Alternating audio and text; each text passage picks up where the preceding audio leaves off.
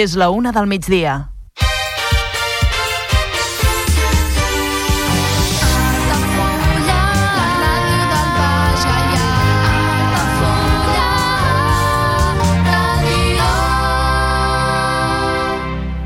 Altafulla Ràdio. Serveis informatius.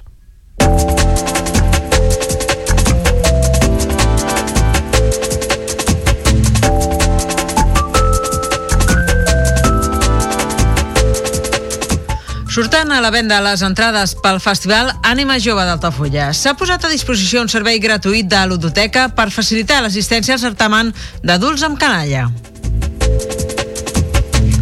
El dramaturg altafollenc Joan Maria Vidal i la seva proposta Trampes de Zorros fan el salt a Eivissa. L'obra, seleccionada en festivals com el FITAC a Girona i el FITSA de Mèxic, es trasllada a la Gran de les Pitiuses dissabte 20 de gener. El pediatre Adolfo Gómez Papí ofereix una xerrada sobre criança aquest divendres al Centre d'Entitats. El doctor Altafollenc farà una immersió a les diferències entre com criàvem els infants, les generacions que ara són avis i com es fa actualment. Mor Mercè Alonso, que va recuperar la vinculació de Torredembarra amb el món de la xilografia i el gravat. Arran del seu treball i de les seves donacions, es va iniciar un fons de gravat a l'arxiu municipal. Més d'una setantena de famílies de Roda Barà aconsegueixen l'anomenat passaport verd. Es beneficiaran aquest any d'una reducció entre el 5 i el 10% en el rebut de la recollida d'escombraries. I s'ajorna la compravenda dels terrenys de l'OT Energy a Montroig del Camp per manca de claredat en el redactat del contracte. L'alcalde de la vila lamenta que la lentitud burocràtica i els canvis societaris alenteixin l'inici de les obres que està previst per aquest 2024. El procés de redacció del projecte de recuperació del camí de ronda de la Sabinosa està gairebé enllestit. L'objectiu global és convertir aquest espai en un gran hub cultural, amb infraestructures com ara el Conservatori de Música, l'Escola d'Art i Disseny i un nou auditori. La restauració de l'obra de Jujol al Teatre Metropol de Tarragona costarà uns 660.000 euros. L'Ajuntament planifica executar-la en dues fases, vinculat a ajudes de l'estat espanyol. I en esports us destaquem que la Lliga Comarcal de Cross es reprèn aquest diumenge a Tarragona amb tres atletes d'Altafulla instal·lats al podi. Miguel Serra encapçala la categoria cadet amb Marc Vendrell com a tercera i Emma Vendrell és líder en infantil.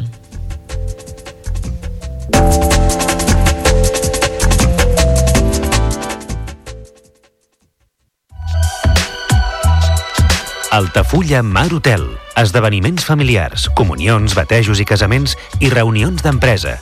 Sales privades amb llum natural, terrassa i accés al jardí, des de 10 fins a 200 assistents.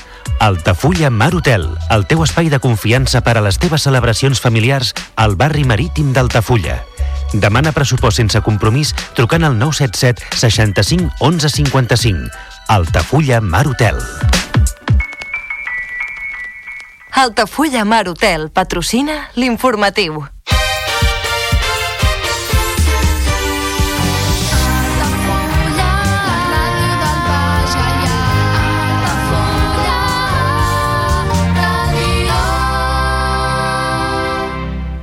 Altafulla Ràdio.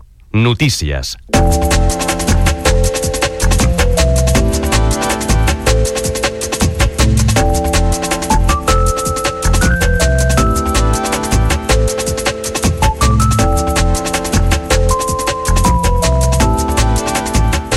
El Festival Internacional de Curtmetratges d'Animació Anima Jove d'Altafulla es troba a escassos 15 dies d'aixecar el taló i les entrades per assistir a les seves projeccions ja són a la venda. És moment, doncs, d'organitzar-se i decidir a quines sessions de les programades es vol assistir i quines propostes són més atractives. Per adquirir les entrades per l'Anima Jove cal adreçar-se a la pàgina web del certamen www.festivalanimajove.cat des d'on es dirigirà l'usuari a la plataforma de venda d'entrades de l'Ajuntament d'Altafulla. Per tant, també es poden adquirir a través, tot entrant al web eh, municipal, al web del consistori altafulla.cat. El codirector del festival, de la productora altafollenca Most Wanted Studio, Joan Rubinat, explica que les projeccions s'han dividit en blocs i que cadascun d'aquests blocs té un preu de 5 euros. Per aquest any hem, hem fet preus bastant populars, cada un dels blocs ho hem, ho hem, ho hem dividit en tres blocs. El bloc de, de la secció documental i la panorama, que és el divendres a la tarda, té un cost de 5 euros. El dissabte al matí, que hi ha la secció infantil i, i el petit taller Creànima, val també 5 euros. I eh, la secció de tarda, on hi ha les, eh, dues sessions que hem preparat de ficció, també tindrà un cost de 5 euros. Divendres, dia 26, tindrà lloc la secció documental i la secció Panorama, dirigida un públic a partir de 16 anys i per als quals s'ha fixat un preu de 5 euros. Només amb aquesta entrada es pot gaudir de propostes a competició que recorren diferents temàtiques sobre les quals reflexionar en curt i la mostra de cinema reconegut i premiat arreu del món serà a partir de les 6 de la tarda quan es pugui gaudir d'aquest primer bloc del festival. Ja dissabte serà el torn al matí dels curtmetratges dirigits un públic infantil i familiar, amb la celebració també del taller Creànima perquè els més petits facin un tast de com es fa una animació. En aquest cas, l'entrada també és de 5 euros pels adults i accés gratuït pels menors que han d'anar acompanyats d'un adult. Serà dissabte, dia 27, a partir de les 11 del matí i a la tarda, a partir de les 6, es pot gaudir de la tercera part del certamen amb les propostes de ficció a concurs, novament dirigides a un públic amb edats superiors als 16 anys. En aquest cas, l'aportació a fer per gaudir de les seccions de ficció, novament, és de 5 euros. I enguany, a més, com a novetat, des de l'organització s'ha tingut en compte la conciliació familiar i s'ha posat a disposició del públic adult un servei de ludoteca perquè els menors puguin romandre-hi mentre els grans gaudeixen del cinema. Es tracta d'un servei gratuït que gestionarà l'entitat altafollenca Viu i Eura i que és possible gràcies a la col·laboració amb l'àrea d'educació del consistori altafollenc. Com ha explicat Rubinat, la creació d'aquest espai sorgeix de les inquietuds que algunes mares i pares els van fer arribar.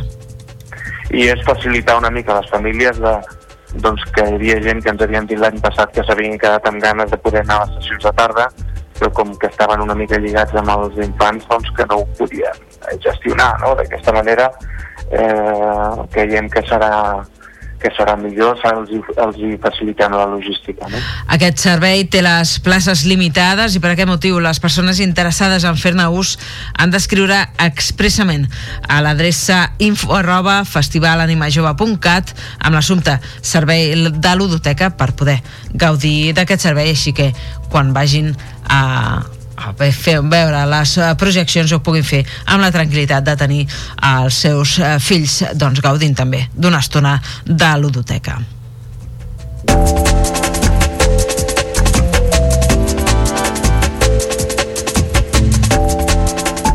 I us parlem ara de més eh, cultura, concretament de teatre, i és que l'obra Trampes de Zorros, de l'actor, director i dramaturg Joan Maria Vidal, segueix de gira i recollint bones crítiques.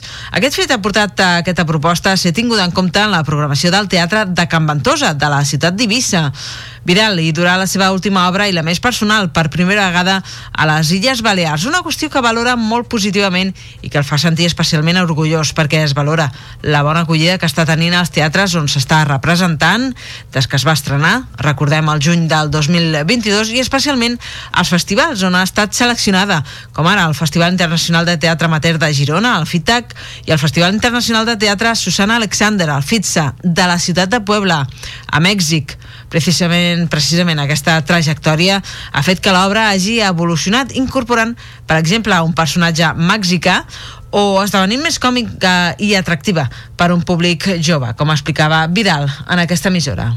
Trampes de Zorros ha tingut diferents representacions arreu del país i el fet d'anar al Festival Internacional de Girona i encabat al de Mèxic eh, m'ha fet provocar canvis, ja no només els típics canvis de, doncs, que guanyes amb agilitat i que cada cop l'obra és més dinàmica, sinó que hem incorporat també un dels personatges, ara és mexicà, um, i fa que l'obra sigui molt més divertida. La gent riu molt més i inclús hi ha hagut algú que ha vingut a veure l'obra a l'estrena i l'ha vingut a veure fa recentment i diuen que són dues obres gairebé totalment diferents, no?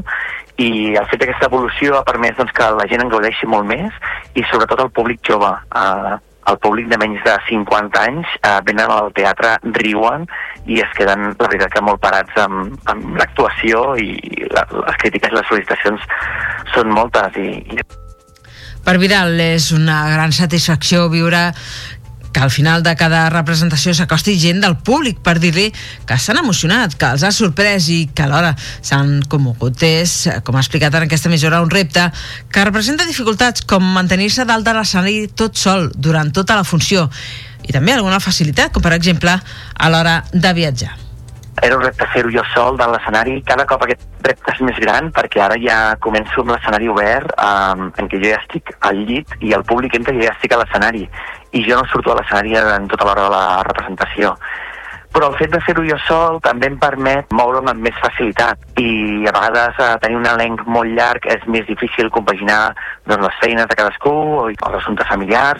En canvi, d'aquesta forma em permet doncs, moure'm més lliurement i quan a vegades tinc un festival eh, a l'estranger o fora o lluny de casa, doncs eh, també em permet ser les facilitats. Té més dificultats a l'hora de muntar escenografies, a l'hora de transportar i tot, però evidentment també té la facilitat de moure'm jo sol i dependre només de mi. La cita amb trampes de Zorros al Teatre Can Ventosa de la ciutat d'Eivissa està prevista pel pròxim dissabte, dia 20 de gener, a les 8 del vespre. Una funció que obre les portes a l'Altafoyenca, al panorama teatral de les Illes que farà un tast d'allò que podria oferir el dramaturg en futures propostes.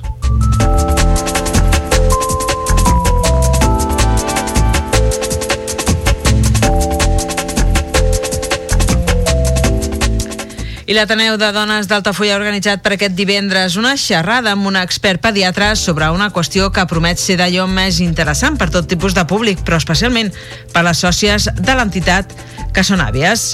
Elles, junt amb les seves parelles, si és el cas, majoritàriament es troben vivint ara una segona maternitat amb la criança dels seus nets i sovint els seus mètodes xoquen amb la manera com ara es concep la cura d'un fill. Per posar en solfa aquesta qüestió, l'altafullenc Adolfo Gómez Papí, pediatre jubilat, oferirà una conferència informativa sobre una criança més propera a l'infant, que assegura és la més natural perquè afavoreix un major contacte entre els progenitors i els seus fills és donar informació de les bases que hi ha per, per justificar aquesta forma actual de criança, que de fet és la forma natural, és a dir, la que fan la majoria de poblacions eh, de les zones rurals de Latinoamèrica, d'Àfrica, d'Oceania i d'Àsia. No? És a dir, que és el que s'ha fet tota la vida, però aquí creiem que el que s'ha fet tota la vida és separar la criatura de la mare. Gómez Papí explica que la principal diferència entre la criança de principis del segle passat i la d'ara és el contacte, ja que abans s'optava, diu, per la separació de les criatures de la mare i el foment de la independència del menor, mentre que ara cada cop més s'opta per establir més vincles amb mesures com dur el nadó al coll amb sistemes de subjecció, allargar la lactància o dormir al mateix llit. La diferència bàsica és que la, la criança que vam fer nosaltres amb els nostres fills i que van fer els pares nostres amb nosaltres era una criança que no es basava en el contacte sinó en la separació. És a dir, es pretenia que les criatures es fessin independents, que no demandessin contacte amb la mare de forma conjunta. I ara es fa tot el contrari. És una criança en contacte, hi ha moltes mares que porten els fills en bucador, en porteo, que diuen, no? Tornen amb ells, fan lactàncies quan no aconsegueixen molt prolongades, de més d'un any, any i pico. En fi, que és, que és una criança en aquest sentit molta més relació íntima entre la mare i la criatura i també el pare inclòs, no? El pediatre confirma que confia que la proposta compti amb la complicitat d'un públic ampli tenint en compte el paper capdalt que assumeixen els avis actualment a la criança dels fills dels seus fills. La cita és aquest divendres a dos quarts de vuit del vespre al Centre d'Entitats amb accés lliure i gratuït.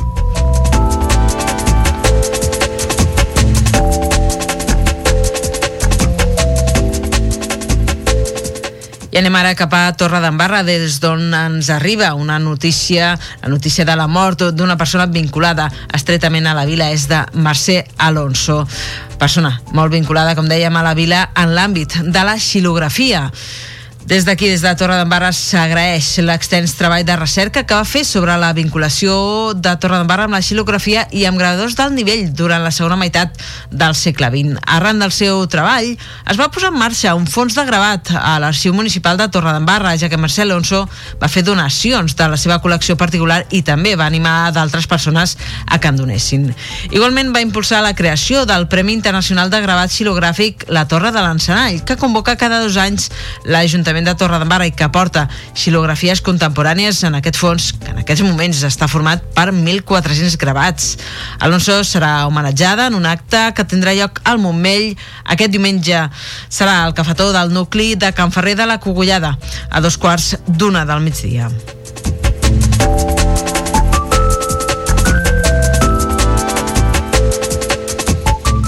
I a Roda Barà, les famílies més compromeses amb el medi ambient han estat premiades, de fet, ho estan des de fa 3 anys, amb una reducció entre un 5 i un 10% del seu rebot anual de la recollida d'escombraries. És una iniciativa que l'Ajuntament du a terme a través de l'anomenat Passaport Verd, que han fet servir ja 117 famílies. L'objectiu d'aquesta iniciativa és incentivar la correcta separació i el reciclatge dels residus pels quals no hi ha un contenidor específic a la via via pública i que per tant s'han de dur a la deixalleria. Són els voluminosos, restes vegetals, també aparells informàtics, bateries o piles, termòmetres, radiografies, pneumàtics, fluorescents, fustes, runes, pintures i dissolvents, ceres i batums, tòners, envasos fitosanitaris o bé càpsules de cafè i joguines. La reducció és, a més a més, acumulable. Per tant, les famílies que ja es beneficien del 25% de reducció per baixa renda familiar, tal com contemplen les ordenances fiscals, poden acumular també aquest descompte del 5 o del 10% que ofereix el passaport verd. D'aquesta manera, aquelles famílies que facin ús freqüent de la deixalleria podrien aconseguir fins a un 35% de reducció total a la taxa de recollida d'escombraries, en aquest cas pel 2025.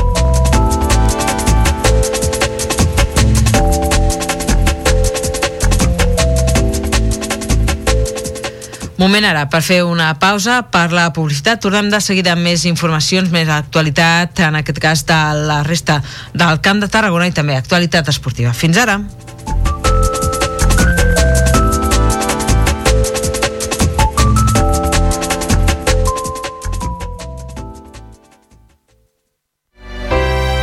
Reunions 2024. Dates ja disponibles amb sales privades, jardí, pàrquing privat i la millor gastronomia. Més informació i reserves al 977 65 11 55 i a comercial arroba altafullamarotel.com o al web altafullamarotel.com. Les teves celebracions familiars a l'Altafulla Mar Hotel. Ja coneixes les propostes que t'ofereix el Club Marítim Altafulla? Vine i descobreix totes les nostres activitats. Sortides en caia, copà del surf, cursos de vela per a totes les edats. No t'ho perdis. Club Marítim Altafulla. Obert tot l'any i per a tothom. Carrer Major, el programa de les emissores del Camp de Tarragona. Cada dia de 4 a 6 de la tarda, el que passa al Camp de Tarragona t'ho expliquem amb la major redacció d'un programa de territori quilòmetre zero. Periodisme de proximitat, continguts de qualitat, amb Anna Plaza i Toni Mateos. Carrer Major. La pilota torna a rodar i el centre d'esports Altafulla juga una temporada més a Altafulla Ràdio. Els groc i negre reben a un candidat al títol i l'ascens, el Sant Pere Sant Pau, amb la voluntat d'aconseguir la primera victòria del 2024 davant l'afició i seguir la bona ratxa al Joan Pijuan. Aquest dissabte, a partir de les 5 de la tarda, segueix el partit en directe a través del 107.4 de la freqüència modulada, al web 3 altafullaradio.cat, l'aplicació per a dispositius mòbils o la televisió digital terrestre. El futbol més modest sona Altafulla Ràdio.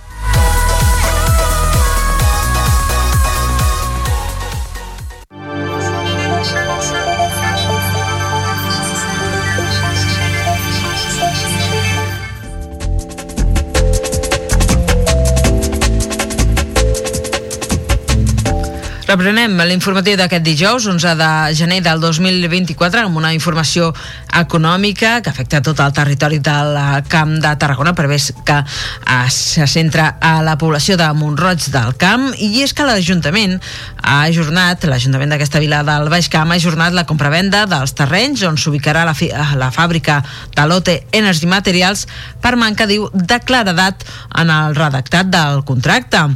El document eh, ha estat tancat i definit definit, però els serveis jurídics sudcoreans no acaben de veure clar el redactat d'aquest document, com ha afirmat l'alcalde d'aquesta vila, Fran Morancho. Igualment, eh, Morancho ha subratllat que no es tracta del contingut, sinó de la manera en què està escrit.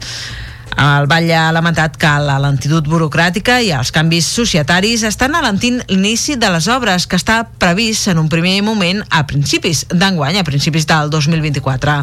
El Batlle ha assegurat que la construcció de la nova planta de producció d'Elecfoil en cap cas perilla i que començarà al setembre.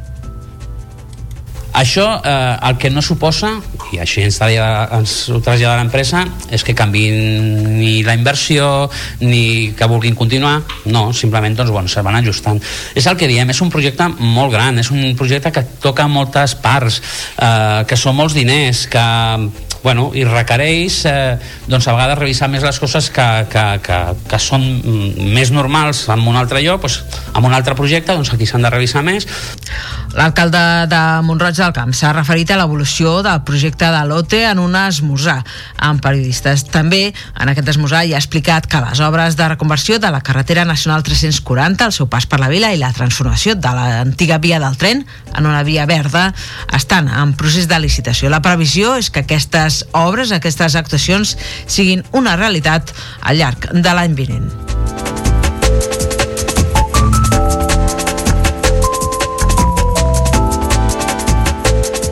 I un altre projecte pendent, en aquest cas de fa anys i molts anys, és el projecte de la Sabinosa.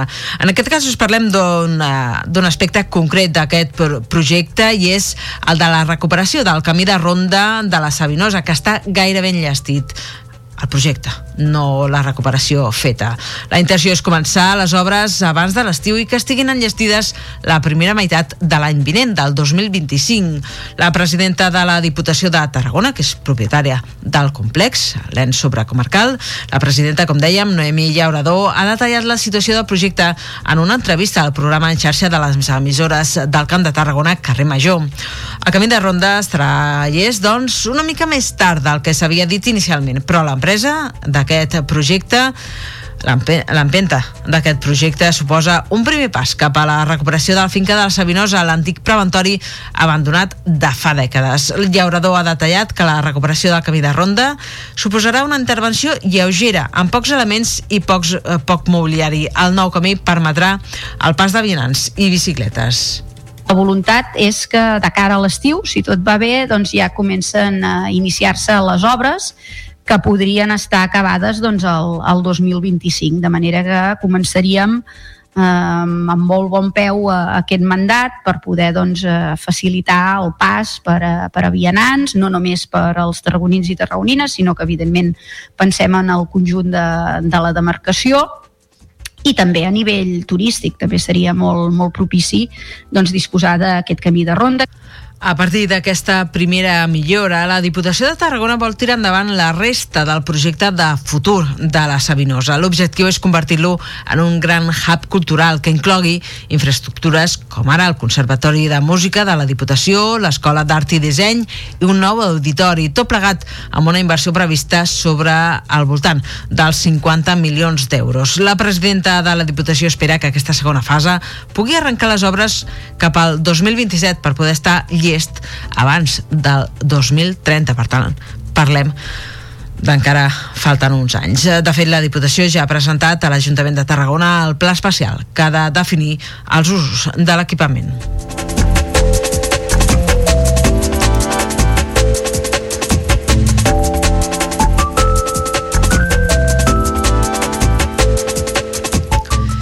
I la restauració de l'obra de l'arquitecte modernista Josep Maria Jujol, eh, que es troba al Teatre Metropol de Tarragona, costarà uns 660.000 euros, segons es desprèn del projecte encarregat per l'Ajuntament de la capital tarragonina. Es tracta dels elements decoratius de l'equipament, declarat bé cultural d'interès nacional i que inclouen també pintures i mosaics. Els treballs es divideixen en dues fases. La primera està prevista que s'executi un cop s'hagi adjudicat la direcció de l'execució de l'obra i la direcció facultativa. Està pressupostada en 310.000 euros. La segona, amb un cost estimat de 359.000, està condicionada a una subvenció del 2% cultural de l'Estat pels anys 2024 i 2025. A banda, el consistori també treballa en una reforma estructural de tot l'immoble. El projecte d'execució de la restauració de l'obra de Jujol exposa en detall les patologies que presenten els diferents elements. Un dels problemes principals és la presència de tèrmits a les fustes, una presència relacionada amb la aigua acumulada per deficiències en l'evacuació de la pluja en alguns punts de l'edifici. I a banda, el projecte també recomana enderrocar la rampa d'accés al pati o col·locar baranes a quatre balconeres de les galeries per millorar la seguretat dels visitants, entre altres millores que contempla aquest projecte.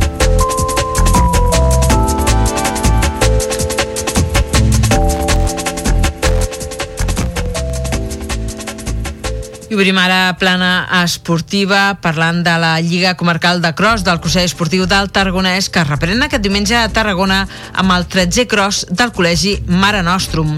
Es tracta de la vuitena prova de la competició d'aquesta temporada en la qual els atletes d'Altafulla arriben ben posicionats amb un corredor i dues corredores instal·lats al podi.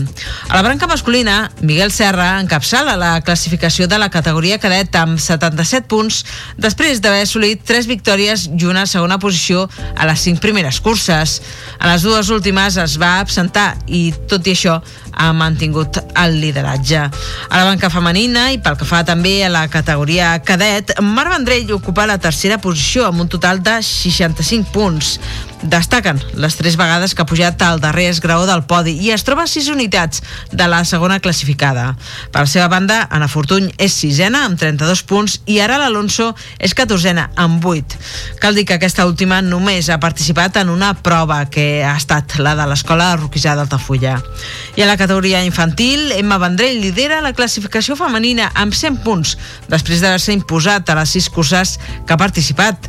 L'única en què no van participar va ser la de Vilaseca, ja que va prioritzar la participació al Campionat de Catalunya de Cross Curt celebrat el mateix dia i al mateix municipi.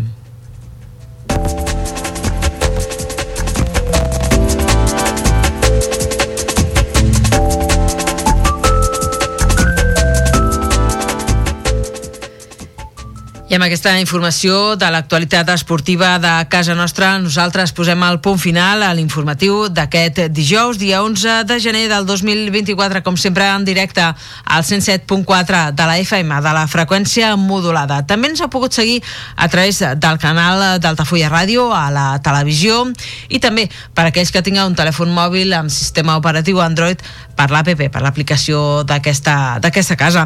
Igualment ens podeu seguir en directe a través del nostre web a www.altafullaradio.cat i també recuperar el podcast, la gravació d'aquest informatiu, així que ho desitgeu. El perfil d'Altafulla Ràdio a les xarxes socials Facebook i Twitter també està actiu, la X, Twitter, l'antic Twitter que ara es diu X, està actiu, com dèiem, al perfil d'Altafulla Ràdio per portar-vos l'última hora del que passi a casa nostra. Res més, eh, des d'aquí, des dels estudis del carrer Marquès de Tamarit d'Altafulla, tot l'equip que fem possible aquest programa us saluda ben cordialment. En especial una servidora que us està parlant en aquests moments, la Carol Cubota, que us envia una forta abraçada. Ens retrobem a les pròximes edicions de l'informatiu d'aquesta aquesta casa. Que vagi molt bé el dia. A reveure.